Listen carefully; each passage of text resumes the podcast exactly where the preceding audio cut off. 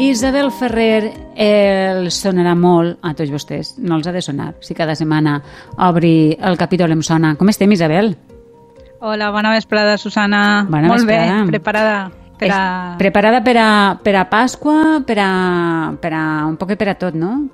Sí, estem ja escalfant motors per a, per a Pasqua Sí. i clar, avui no podia ser d'una altra forma i vaig a parlar de les músiques del cicle pasqual, que en són moltes i Veges? diverses, perquè el cicle festiu de Pasqua i de Nadal són els dos eixos sobre els quals gira tot l'any litúrgic eclesiàstic i també festiu, perquè de fet nosaltres en estos temps moderns només li hem afegit l'agost, la resta el Ah, continuem mantenint. cert.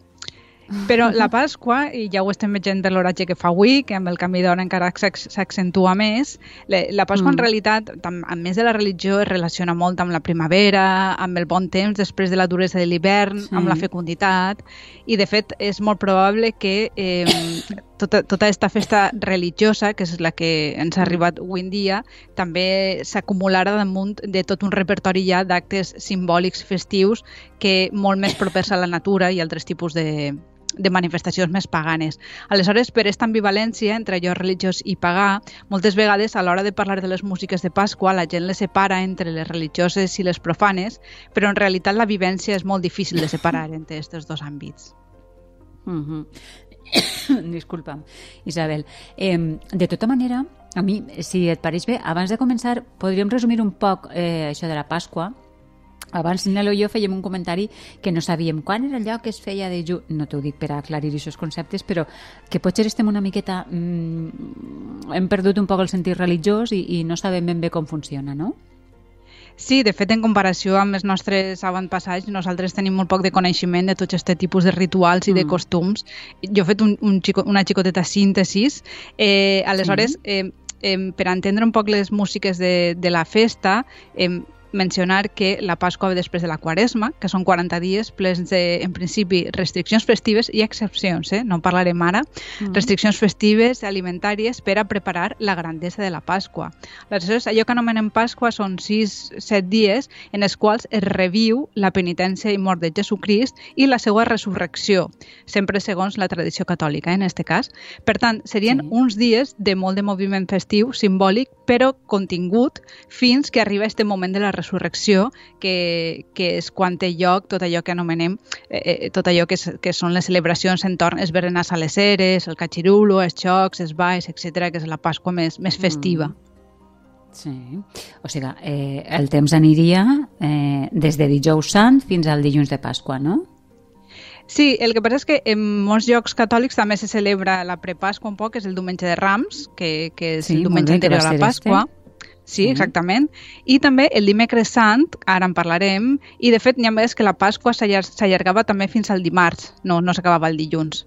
En tot cas, començarem parlant per este dimecres perquè per a la part que a nosaltres ens interessa focalitzar avui, que és la part sonora i musical, comencem el dimecres, que és quan té lloc una cerimònia que tenia lloc en molts pobles, que s'anomena una cosa similar, eh, perquè el nom té moltes variacions, a la salpassa o les masses.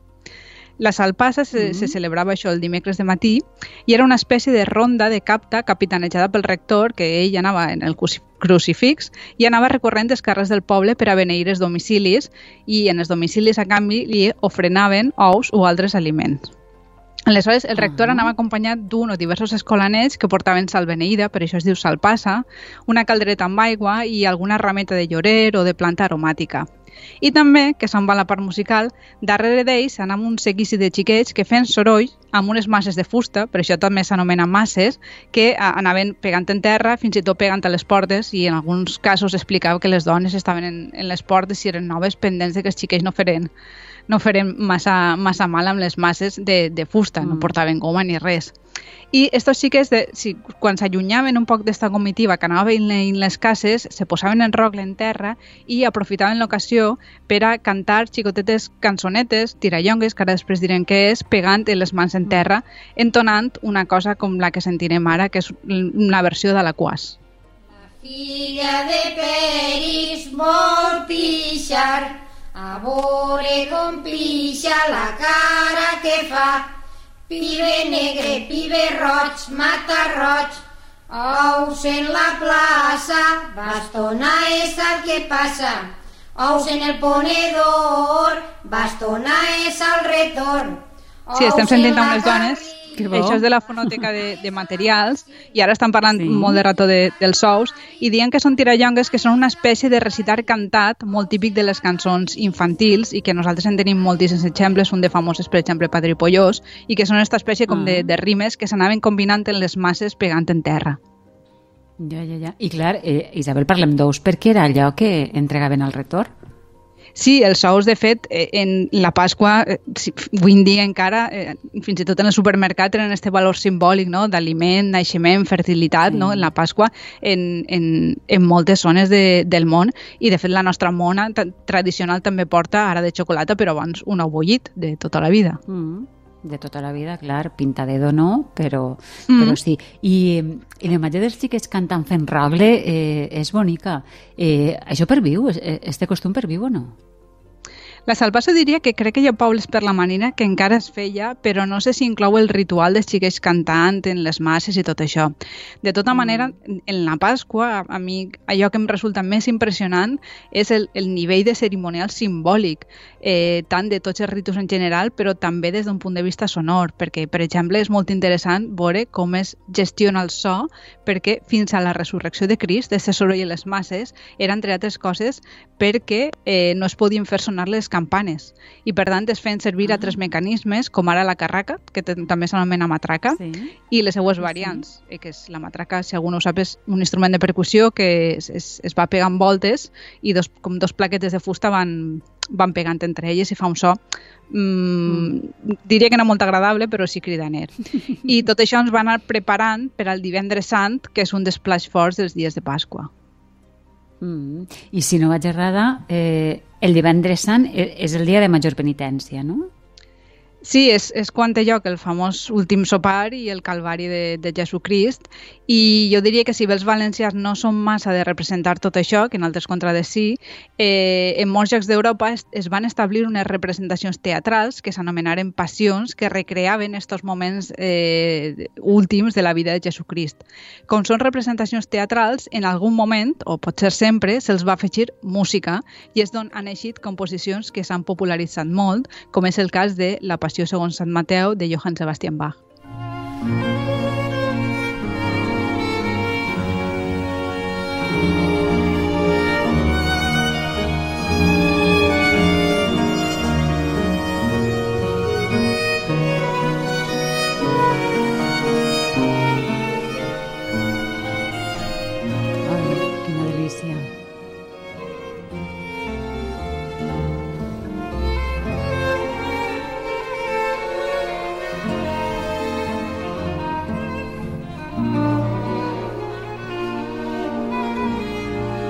Pots deixar així fins a Sí. la mitjanit, escoltant tranquil·lament. Com, com Sí, baixa, eh, de cop i volta, el, sí, ba- ba- baixa en el millor sentit, no? com, com, com s'atura tot, no? I com baixa l'harmonia amb algunes músiques. Erbarme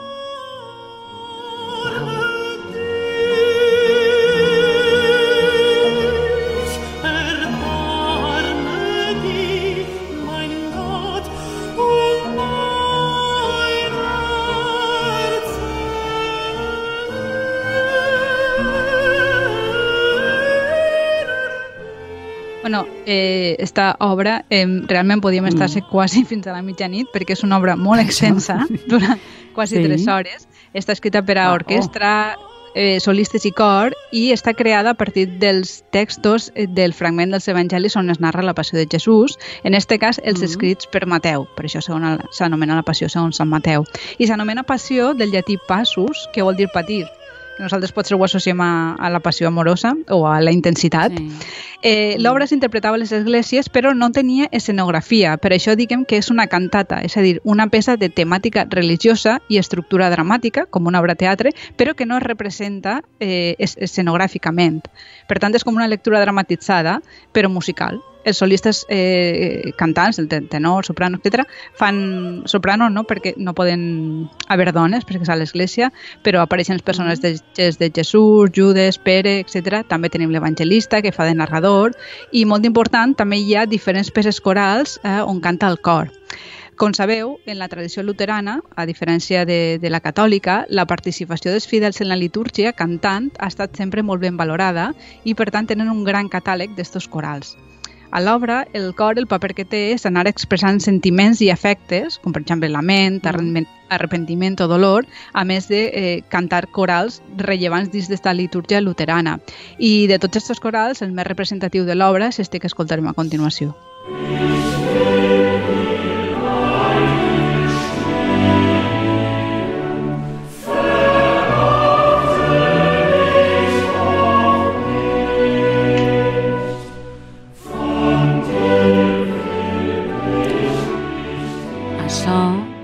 sona molt més religiós que, que la de Bach, no? No, no, és, és, pertany a la mateixa obra, el És que el passa mateix? que són dos...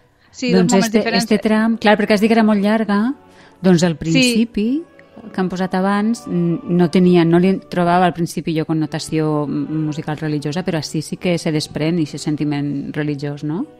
Sí, tot i que per a algunes persones és un dels cims de, de la història de, de la música de, de tots els temps, sí que de vegades s'ha vist que era una obra massa, en alguns moments massa operística eh, i aleshores per a alguns sectors religiosos no els ha, no els ha paregut del tot bé, però eh, és, és una obra molt bella en tots els sentits i està farcida d'una cosa que es feia molt en època barroca, que és intentar Mm. recrear amb la música sensacions eh, o allò que deia el text algunes més buscades que una altra a través, a través de la música.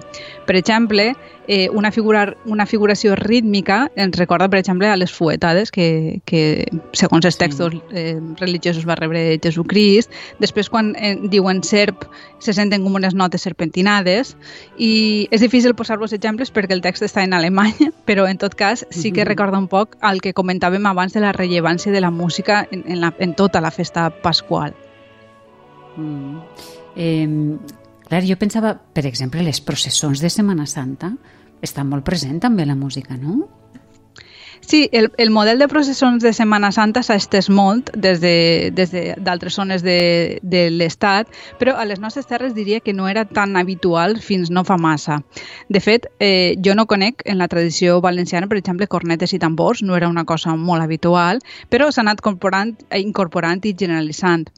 Eh, el que sí que teníem era música eh, de diferents formes, mm, posteriorment en dolçaina i tabal, però de, arriba un moment en què les bandes s'imposen. No? De fet, allà mitjan del segle XIX passa una cosa molt curiosa, que és que conforme es va ampliant el moviment bandístic, van havent més, eh, les bandes estan molt relacionades amb el- amb l'estament militar i per tant es van introduint les marxes de, pro, de processó, que és el que nosaltres coneg, coneguem. Però en principi no hi havia marxes de processó com a tal, sinó que les havien de traure, d'extreure d'altres músiques profanes, com fragments d'òpera també, de sarsuela, de peces sinfòniques. Aleshores, això va provocar moltes queixes, queixes a l'església.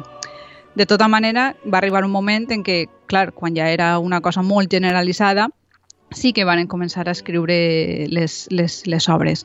Eh, moltes de les que es toquen actualment per terres valencianes són de compositors andalusos, però sí que en tenim alguna eh, escrita per compositors valencians, com per, com per exemple la del girià Miguel Pascual Ferrer, una que es diu Adoración, que també és prou coneguda.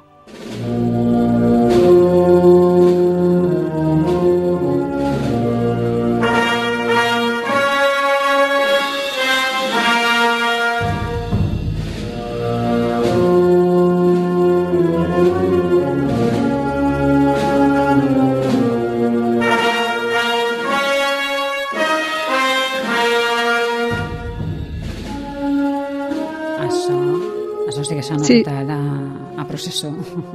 Sí, s'escolta un poc malament, però perquè és l'única No, versió que, bé, que he sí, aconseguit sí. trobar. Mm. Però, bueno, s'escolta com segurament s'escoltarà en directe, no? Que és, que és per el carrer sempre les coses sonen més... no, no tan...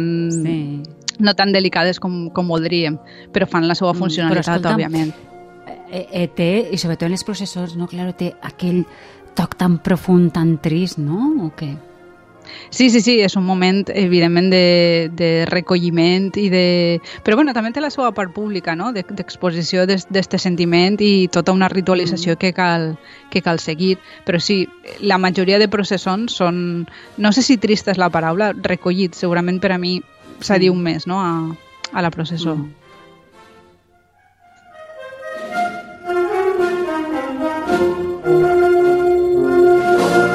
tota manera, el, el, el, que és el divendres sant és quan s'acaba este, este període més, més, més trist, perquè sobretot a partir de, mm-hmm. de la nit del dissabte és eh, quan es trenquen totes les restriccions sonores i sobretot és quan les campanes alcen el vol, mai millor dit, i s'escenifica tot, tota l'alegria la, tota no? que, és, que és la Pasqua. I esta, esta alegria no només s'escenifica en les campanes, sinó que hi ha molts pobles que en el meu ho fan, no sé, jo com sempre ho he viscut, no sé si en la resta també ho fan, però s'escenifica -huh. una cosa que s'anomena l'encontre, que es fa el dilluns de Pasqua. Sí, així també. Que és, Sí, però ah, es veu veus? que no fan a, a notat arreu, però jo quan, quan era més eh, joveneta i anàvem, anàvem a, a l'encontre, a, a la plaça Major ho feien perquè estaven en l'església i se trobaven la Mare de Déu i, i Jesús i després ja eh, bueno, anàvem a menjar la, la mona als masets no? Exactament, sí, sí. A més, eh, ella va vestida com, com la Dolorosa, va, va tapada i li, li, li mm. canvien el, el vel i musicalment també és molt curiós perquè s'arriba allí tocant marxes de processó, com per exemple la que, la que sí. estem escoltant, i de sobte es passa ja a tocar himnes o fins i tot hi ha molts jocs que, que, es, que es toquen pas dobles quan, quan ja s'han trobat i es dirigeixen a, a l'església.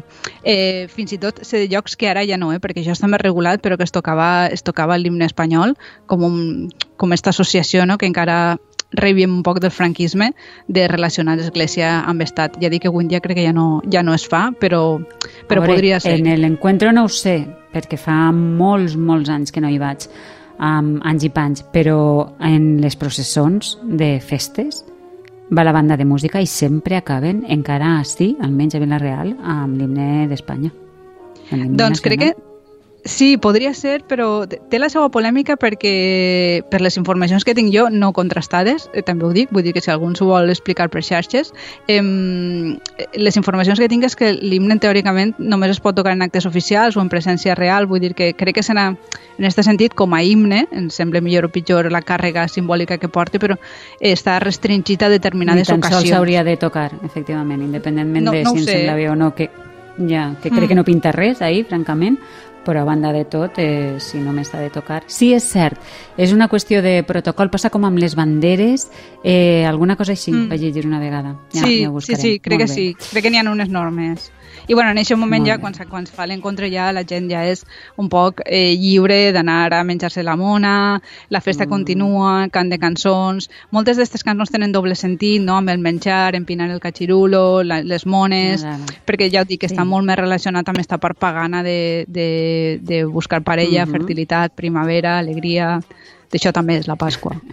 I els balls. Això també és la Pasqua, també és la primavera. Mm -hmm. I els balls també. Doncs Isabel, moltíssimes gràcies i bona Pasqua fins la setmana que ve.